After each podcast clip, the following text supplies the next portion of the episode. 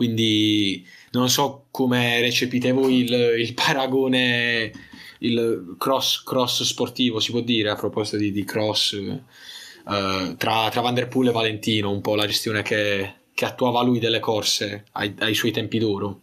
Non è totalmente sbagliato, anzi, più che altro sai che c'è,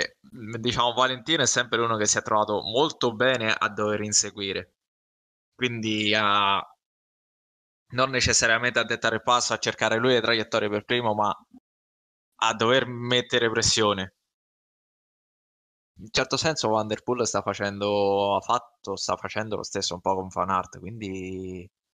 ci sta, sai, poi anche Valentino è sempre uno che si è esaltato nei duelli, Van Der Poel si sta esaltando come poche altre cose nei duelli con Fan Art, quindi tutto sommato ci sta.